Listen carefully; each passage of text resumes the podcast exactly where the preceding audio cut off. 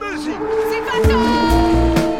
our valued guests, do take special care to supervise your children.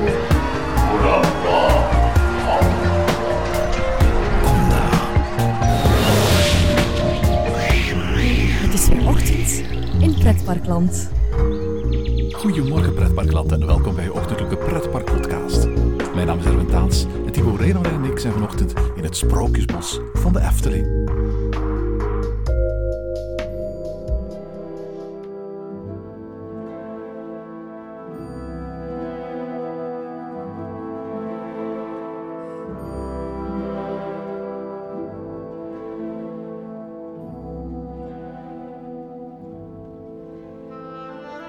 Op zaterdag 31 mei 1952 opende het hart van de Efteling.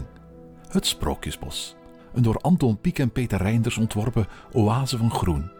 Waar tussen de bomen de vijf torens van het kasteel van Doornroosje priemen. Waar de wolf op jonge, roodgekapte meisjes en op onschuldig ganzenbordende geitjes uit is. En waar elk kwartier de oneerlijke klechtslimme toon de bel luidt van de magische klok.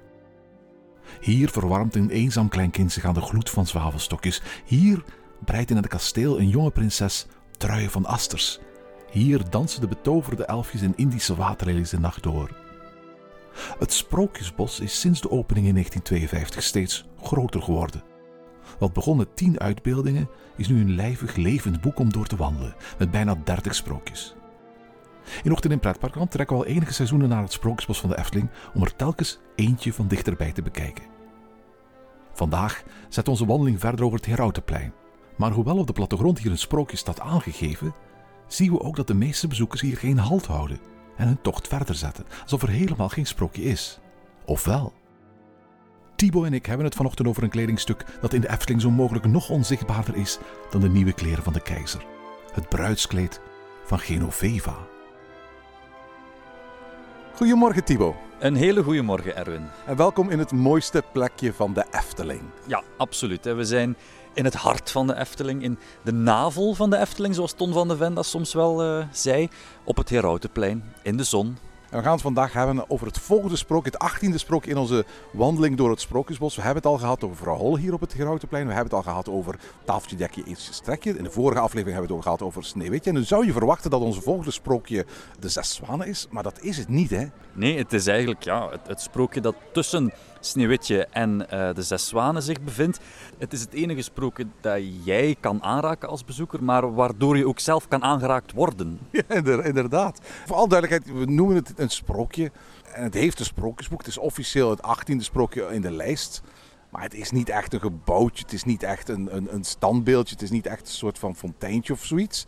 Het zijn levende dieren. Het zijn levende dieren, het zijn vogels. De vogels en een klein torentje ontworpen door Anton Pieck dat zich op zeg maar, de grot van Sneeuwwitje bevindt, vormen het bruidskleed van Genoveva. hè. Ja, absoluut. En ik, ik durf wedden dat het gros van de mensen die we hier vandaag hier op het heel grote plein zien voorbij passeren, terwijl we dit aan het opnemen zijn, echt niet doorhebben dat ze eigenlijk een sprookje gemist hebben.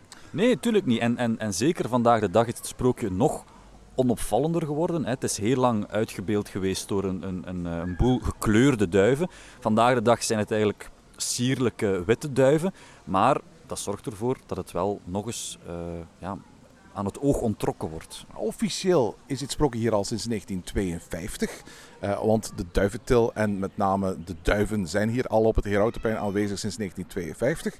Peter Reinders kwam op het idee om duiven te kleuren, wat van de duiven een soort van sprookjesachtige aanwezigheid maakte hier op het Herautenplein. Maar het sprookje zelf eigenlijk dateert pas uit 1955, toen Bob Venmans, de toenmalige marketingman van de Efteling, in het eerste Efteling sprookjesboek eigenlijk een, een, een eigen verhaal ervoor bedacht. Want vooral duidelijkheid, het bruidskleed van Genoveva is geen bestaand sprookje van Andersen of van Perrault of van Grimm. Het is een verhaaltje dat door Bob Venmans, net zoals de magische klok trouwens, waar we het in de volgende aflevering over zullen hebben, zelf bedacht en neergeschreven is. Daarna een aantal keren herschreven door latere hervertellers van sprookjes van de Efteling.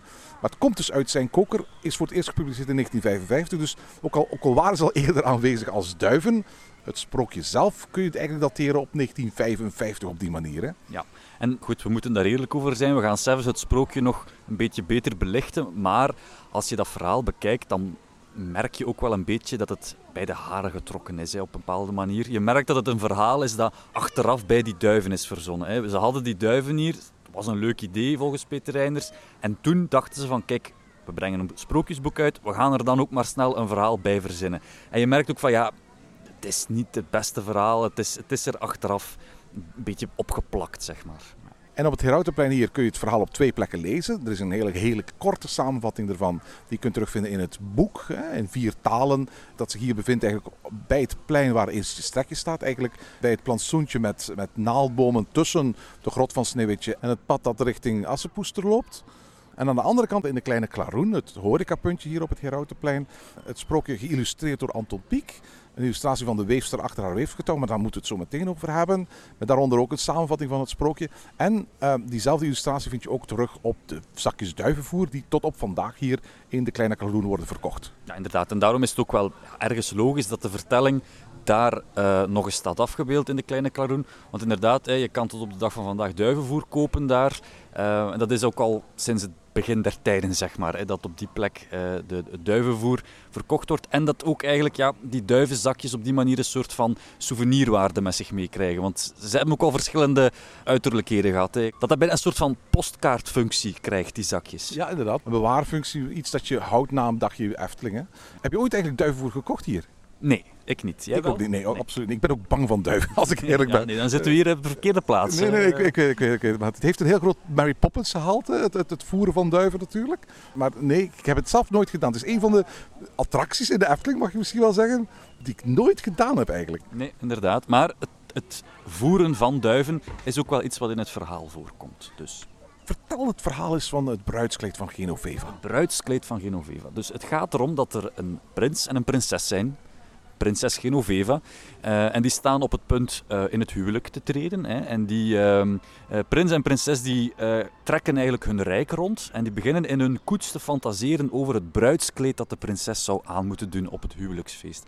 En ze, ze trekken door de natuur en, en de prins zegt tegen zijn prinses van... Oh kijk, moest jij het blauw van die viooltjes daar in, uw, in, uw, in je kleed hebben, dat zou toch fantastisch mooi zijn. Ja, natuurlijk, zegt prinses Genoveva. En ik wil er dan ook graag het rood van die klaprozen daar in die berm, dat wil ik ook in mijn kleed. En ik wil dat de basis van het kleed, dat dat zo groen is als de dennennaalden daar van boven in die boom. En op een gegeven moment beseffen ze van, god, zo'n kleurrijk kleed, dat is wel heel erg moeilijk, dat is ontzettend moeilijk, dat kleed bestaat niet, we gaan dat speciaal moeten laten maken. En er is eigenlijk maar één iemand in ons hele rijk die dat kan.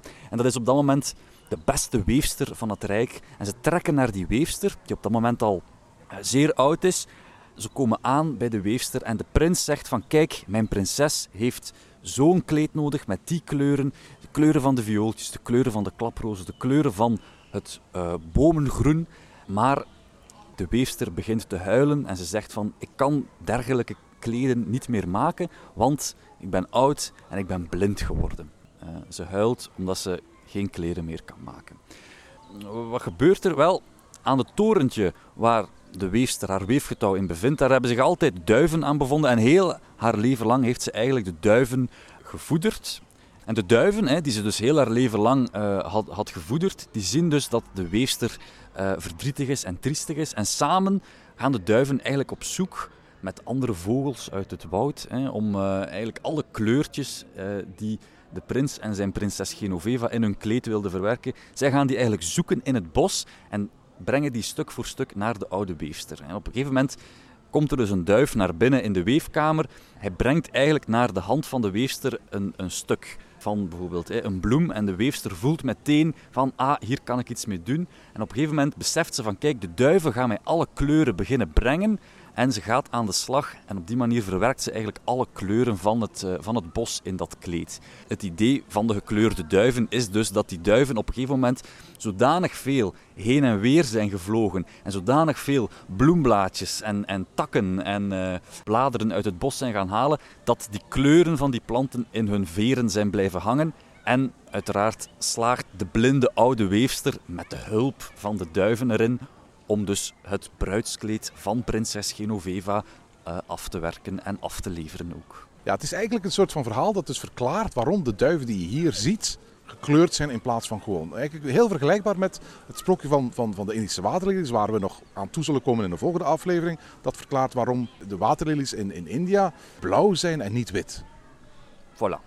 Maar zoals gezegd, een bedenksel van Bob Femmels in 1955, dat voor alle duidelijkheid op dat moment ook zich beperkte tot dat sprookjesboek. In volgende edities van het Sprookjesboek is dat verhaal dan opnieuw verteld. Er is ook een audioversie van gemaakt, die, die, die, die volgens mij alleen maar op LP is uitgebracht. Nooit op, op, op CD of, of zelfs op Spotify is, is uitgebracht. Dus ben niet helemaal duidelijk waarom dat het geval is. Maar tot hier dat boek verscheen hier op het Herautenplein, was denk ik voor de gemiddelde bezoeker van de Efteling niet duidelijk dat het hier ging over dat verhaal dat jij nu net vertelde. Wie toevallig in aanraking kwam met een sprookjesboek van de Efteling, kon het daar wel uit afleiden. Maar ik moet eerlijk toegeven, ik zelf, als, toen ik hier als kleine jongen rondliep, ik wist gewoon van die gekleurde duiven, dat is een attractie van het Herautenplein en daarmee uit. Ja, dus het was eigenlijk bijna een soort wonderlijke levende decoratie die hier rondvloog, dan, een, dan echt een, een, zeg maar een narratief element van het sprookje. Ja, absoluut. Je, kunt het bezwaarlijke sprookje noemen. Hè. Het verhaal volgt de narratieve vorm van het sprookje, maar de uitbeelding ervan in de Efteling is, is minimaal. Op de dag van vandaag is het uiteindelijk alleen maar dat, dat, dat sprookjesboek dat eigenlijk een, een verklaring geeft voor iets wat er ondertussen niet meer is. Althans niet meer is. Eigenlijk krijgen we op dit moment een andere fase van het sprookje voorgeschoteld. Hè. Was het zo dat vroeger we de eindfase van het sprookje voorgeschoteld kregen. Namelijk het moment dat de duiven hun kleur al gekregen hadden, omdat ze voortdurend in die gekleurde wol doken is het zo dat we nu eigenlijk de duiven te zien krijgen voor ze aan hun taak beginnen. Ja, inderdaad. Hè. En als we het dan even hebben over de ethische kant van het sprookje, dan is dit toch wel de kant die mijn voorkeur wegdraagt. Hè. Uh, er zijn ontelbare discussies geweest in de loop van de geschiedenis van dit sprookje over, ja maar mag je dit wel doen, het kleuren van die duiven? En inderdaad, Efteling is vandaag uh, bedreven genoeg in het uh, maken van, van bijvoorbeeld animatronics of zo, hè, dat we inderdaad wel zouden moeten kunnen zeggen van het kleuren van dieren is absoluut niet meer nodig en, en heeft ook geen, geen meerwaarde. Maar de vraag is nu van, hebben van die gewone witte duiven hier, draagt dat bij tot het vertellen van het sprookje? Hè? Het is in elk geval interessant om te weten dat die discussie al heel lang woedt. Dat ook de Efteling niet altijd op dezelfde manier die duiven gekleurd heeft. Ik weet dat ook toen ik pas Efteling-liefhebber was en de gekleurde duiven hier gewoon waren, dat er onder Efteling-liefhebbers echt een discussie was over: oké, hoe komen die duiven eigenlijk aan hun kleur? Er waren verhalen die de ronde deden dat de duiven een bepaald voer kregen dat hen die kleur gaf. Er waren uh, verhalen die vertelden dat de duiven ondergedompeld werden in een soort van verf dat hen die kleur gaf. En er waren verhalen die zeiden van nee, die worden echt manueel met, met penseeltjes gekleurd. En die verf is stevig genoeg om er lang op te blijven zitten. Maar niet zo disruptief dat ze niet meer in staat zijn te vliegen. Dat hun vleugels aan elkaar kleven. Dat is niet het geval. Ze zijn niet schadelijk voor die dieren. Maar men wist eigenlijk niet zo goed van hoe, hoe, hoe, hoe komen die dieren eigenlijk aan hun kleur. En de Efteling besefte ook al die jaren wel dat daar een discutabele kant aan zat. En was daar eigenlijk ook nooit echt open over.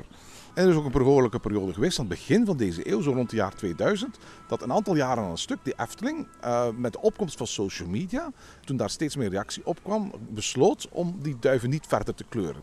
Uh, na een tijdje zijn ze daar opnieuw mee begonnen, maar ergens een jaar of vijf geleden zijn ze definitief gestopt met het kleuren en moeten we doen met duiven in hun natuurlijke staat. Ja, maar doorheen de geschiedenis zie je dus hè, op foto's dat die duiven ook op verschillende soorten manieren gekleurd zijn. Hè. Er zijn foto's te zien dat de duiven echt één kleur hebben, dat je echt een rode duif, een blauwe duif, een groene duif had. Maar bijvoorbeeld in, in een van de laatste fases, vlak voordat de kleur verdween, zie je echt dat het meer de puntjes van de veren, van de pluimen, van de vleugels waren, die gekleurd waren, zodat de duiven eerder een soort van subtiele kleur eh, met zich meedroegen, dan echt volledig gekleurd te zijn. Um, um, en nu zijn ze dus ja, volledig wit, een beetje zoals de duiven die nogal eens uit de hoed van een goochelaar of zo terecht kunnen komen. Uh. Inderdaad. Uh, heel leuk trouwens is dat uh, uiteraard in het sprookje dat hier ook bevindt, Assepoester, de duiven een belangrijke rol in spelen. je hebt twee tortelduifjes die de, de, rol spelen in de finale van het sprookje. Maar ook her en der hoor je het geker van duiven in de soundscape in het sprookje van, van Assepoester. Wat eigenlijk bijna gaat associëren voor de gemiddelde bezoeker dat de duiven die we hier zien meer te maken hebben met, met Assepoester dan met dat sprookje van het bruidskleed van Genoveva zelf. Ja, exact. En dat is een, tussen aanhalingstekens een oplossing die wij wel al eens besproken hebben. Als je dan toch explicieter dat sprookje van Genoveva wil vertellen en je wil dat dan toch duidelijker maken, pak gewoon een aantal van die duiven uit, uit Assepoester, maak een aantal van die, van die animatronic duiven, zet ze hier op de, op de paaltjes, zet ze boven op de grot van Sinuetje. En je kan perfect op een ethische manier die duiven ook die kleur meegeven, want het zijn per definitie hè, nepduiven. Dus je zou perfect die duiven van Assepoester kunnen gaan betrekken in uw vertelling van Genoveva. Nu, de duiven bij, bij Aspoester die waren natuurlijk niet gekleurd. Dus in principe zou je nu kunnen zeggen dat eigenlijk als we, als we zouden ervan uitgaan dat de duiven zoals we hier zien, eigenlijk duiven zijn die eigenlijk ook gelinkt kunnen worden aan van Aspoester. Dat los van dat ene boek dat hier staat, eigenlijk het sprookje van het bruidskleed van Genoveva hier niet bestaat.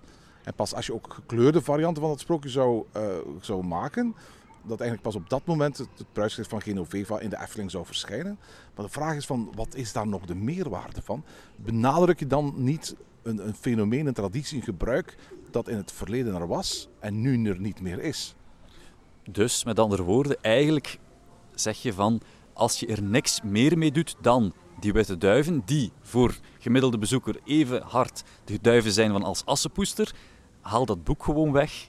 En als je er echt een sprookje van wil maken, maak er dan ook een echt sprookje van. Met iets, een visueel element, met een gebouwtje, met een fontein, met een beeld en de duiven, of doe er niks mee of doe er niks mee. En wat mij betreft mag je nog altijd die, die zakjes duivenvoer verkopen. Wat mij betreft mag je nog altijd dat sprookje bijvoorbeeld op dat zakje duivenvoer afbeelden, zoals nu het geval is. Uh, maar dan zou ik het in elk geval geen nummertje geven. Ik zou dit niet het achttiende sprookje van het Sprookjesbos maken. Ik zou dit gewoon schrappen van de lijst en ervoor zorgen dat het volgende sprookje dat je ergens opent in de Efteling dan het dertigste sprookje wordt. Wat mij betreft zou dat waarschijnlijk de meest aantrekkelijke oplossing zijn. Ik vind dit geen Sprookjesboswaardig sprookje. Nee, je zou bijvoorbeeld ik fantaseer nu maar even, hè, in, een, in een raampje in het, uh, in het torentje, dat nu zo gezegd, hè, waar de, duiven vandaan komen, zou je eigenlijk een soort van uh, schaduw van een weefster kunnen gaan creëren. Op een soort van uh, schaduwspelachtige manier. Met een wieletje dat draait, met een, een, de schaduw, de silhouet van een oud vrouwtje dat achter een weefgetouw zit. Met dan de duiven daar in de buurt, met eventueel de, de animatronic kleurde duiven. Waardoor het net toch dat ietsje meer krijgt dan gewoon de aanwezigheid van duiven. Bijvoorbeeld, dat, dat zou een mogelijkheid zijn als je de moeite waard zou vinden om het sprookje te behouden in, in de Efteling. Aan de andere kant, het is geen bekend sprookje. Ik bedoel, mensen kennen het niet. Het is geen sprookje zoals Roodkapje of, of, of Assenpoester of Sneeuwwitje, waar je eigenlijk bij spreken aan één visueel element, een, een, een, muiltje, een appel, uh, een mandje met lekkers, kunt weten wat het is. Gewoon een venster met daarachter een weefgetouw dat zegt natuurlijk nog altijd niks. Hè? Nee, tuurlijk niet. Daarmee, ik, zeg het, ik vind het bij de haren getrokken, want het is gewoon een verhaal toevoegen aan een element dat hier in dit geval rondfladdert. Maar naar mijn mening kan je daar op die manier bij elke boom in het Sprookjesbos een boek gaan zetten van en dit is het verhaal van die boom en die boom heeft in dit of dat verhaal dat betekend. Dus nee. Jij zou het boek ook weghalen? Ik zou het boek ook weghalen. Als je hier niks meer mee doet dan het laten rondfladderen van witte duiven, nee. Het zijn de duiven van Assepoester, denk ik, voor de meeste bezoekers. En je vertelt hiermee absoluut geen sprookje. Misschien is het interessant om, nog eventjes te verduidelijken waarom het boek staat op de plaats waar het boek staat. Het boek staat in een uithoek van het plein waar Eerste Strekje het middelpunt van vormt. En op die plek ging oorspronkelijk iets helemaal anders staan. Namelijk een duivenvoerautomaat. Een duivenvoerautomaat die oorspronkelijk zou ontworpen zijn door Henny Knoet. En gerealiseerd zou worden samen met twee nieuwe sprookjes. Tafeltje Dekje en de stiefmoester van Sneeuwwitje. Dat waren sprookjes die oorspronkelijk geopend zouden worden in 1986, zoals we verteld hebben in onze vorige aflevering. Uiteindelijk zijn uitgesteld tot in 1999. Maar wat in 1999 uiteindelijk nooit gerealiseerd is, dat is de duivenvoerautomaat. Als je hier bent en je wandelt een kleine klaroen in, dan zou je zien dat op de toonbank staat een mandje en daar hebben ze kleine zakjes met duivenvoer staan. Het idee was van, we hebben zoveel automaten. Automaten waar een kip een ei legt, waar een gans een ei legt. Waarom zouden we ook geen automaat kunnen hebben waar mensen gewoon wat duivenvoer uit kunnen halen? Dan, dan hoef je daar bij wijze spreken ook op momenten dat het winkeltje niet open was. Een kleine kaloen is nu meestal altijd open, maar dat was vroeger in de vorige gedaante van dit winkeltje vaak niet het geval. Dan kun je op die manier ook, ook duivenvoer verkopen zonder dat je daarvoor dat winkeltje open moet hebben. Uh, en Henrik Knoet heeft toen een, een, een, automaat ontworpen. Een automaat van een winkelier achter een balie die allerlei spulletjes zou verkopen. En je zou je geld in een spaarvarkentje moeten doen. En op het moment dat je dat geld in een spaarvarkentje deed, zou de uh, winkelier aan een soort van hendeltje trekken, waardoor er een zakje duivenvoer uit die automaat zou komen. De automaat is nooit gebouwd, maar is vreemd genoeg wel op de plattegrond terechtgekomen. Hij heeft jarenlang op de plattegrond van de Efteling gestaan. Vandaar dat we eigenlijk weten van het bestaan van, van, van die automaat. Nooit uitgevoerd, maar op de plaats waar de automaat zou komen is uiteindelijk het boek terechtgekomen dat het verhaal van het bruidskleed van Genoveva vertelt. Kijk, om het dan goed te maken hebben we uiteindelijk niet de winkel gekregen, maar wel het boek. Hè? Dus... Juist, noem het nu winkel. Het gaat echt om een klein tafereeltje dat in een, in een ja, automatiek eigenlijk zou worden afgebeeld. ja, voilà. Oké, en kijk, dus Bob Venmans heeft dan wel de verhaaltjes geschreven van de kip. Dus dat is uiteraard ook een automaat geworden dan met, met eieren. Ehm, en hij heeft dan ook maar het verhaal bedacht voor Genoveva, wat uiteindelijk geen automaat is geworden. Maar gewoon duiven op het plein. En voor alle duidelijkheid, de duiven mogen hier zijn voor mijn part. Ik vind duiven gezellig. Ze zorgen voor een, eh, een, een, een, een dynamiek op dit plein, een, levendige dynamiek. Maar het is geen volwaardig sprookje. Het voelt een beetje raar omdat we nu al een hele tijd een podcast aan het maken zijn over ja, niet meer dan een boek met een verhaal dat er sinds 2018 staat. En wat duiven die hier rondvliegen, waarvoor duivenvoer verkocht wordt. Maar we wilden niet overslaan, maar we beschouwen het wel als een, een sprookje in het Sprookjesbos. En vooral duidelijkheid, voor mij als iemand die al heel lang in de Efteling komt, horen die gekleurde duiven, de duif van Genoveva, gewoon bij mijn herinneringen aan een Efteling van vroeger. Ja, tuurlijk, die duiven zijn hier altijd geweest en ze gaan hier ongetwijfeld nog een tijdje zijn. Maar niet de gekleurde duiven. Niet de gekleurde duif, uiteraard niet. Maar het is inderdaad, bij de herberg, we konden voor die herberg staan, we konden die herberg beschrijven, daar doorheen wandelen. Hetzelfde geldt voor het kasteeltje van Sneeuwwitje. Maar ja, hier zitten we een beetje in het, in het ongewisse. Hè. Ik vermoed dat mensen die ons hier bezig zien staan op dit moment zoiets hebben van... Denk je dat wij dingen zien die er niet zijn of zo? hè? Ja, ja, absoluut, absoluut. En we zien dingen die er niet zijn. We moeten eigenlijk vooral dingen vertellen over het verleden. Of over wat je kunt afleiden uit dingen die hier in tekst staan. Maar die niet tastbaar als sprookje aanwezig zijn natuurlijk. Hè? Ja, en wat mij betreft eigenlijk ook als officieel sprookje uit de catalogus van de Efteling wel stilletjes mag verdwijnen. Ja, absoluut. Ik eh, ga daar helemaal in mee. Over vliegende dieren gesproken in sprookjes. Ook ons volgende sprookje draait echt helemaal rond vliegende dieren. Je zou dan misschien kunnen denken aan draken of zo, maar nee, het zijn ook vogels, want het zijn namelijk eh, zes zwanen. Ik stel voor dat we het kronkelpaadje hier aflopen. Dat we de duiven even laten voor wat ze zijn. Ze komen nog verder op ons verhaal door het Sprookjesbos terug. En dat we onze aandacht nu eventjes gaan wijden aan het meest recente sprookje. De laatste toevoeging aan het Sprookjesbos. De zes zwanen. Maar dat houden we voor een volgende Sprookjesbos-aflevering. En tot zover deze aflevering van Ochtend in Pretparkland. Volg ons via het Pretparkland op Twitter, Instagram en Facebook of mail naar ochtend.pretparkland.be. Ochtend in Pretparkland is de pretparkpodcast voor vroege vogels. Bedankt voor het luisteren en maak er een fijne dag van.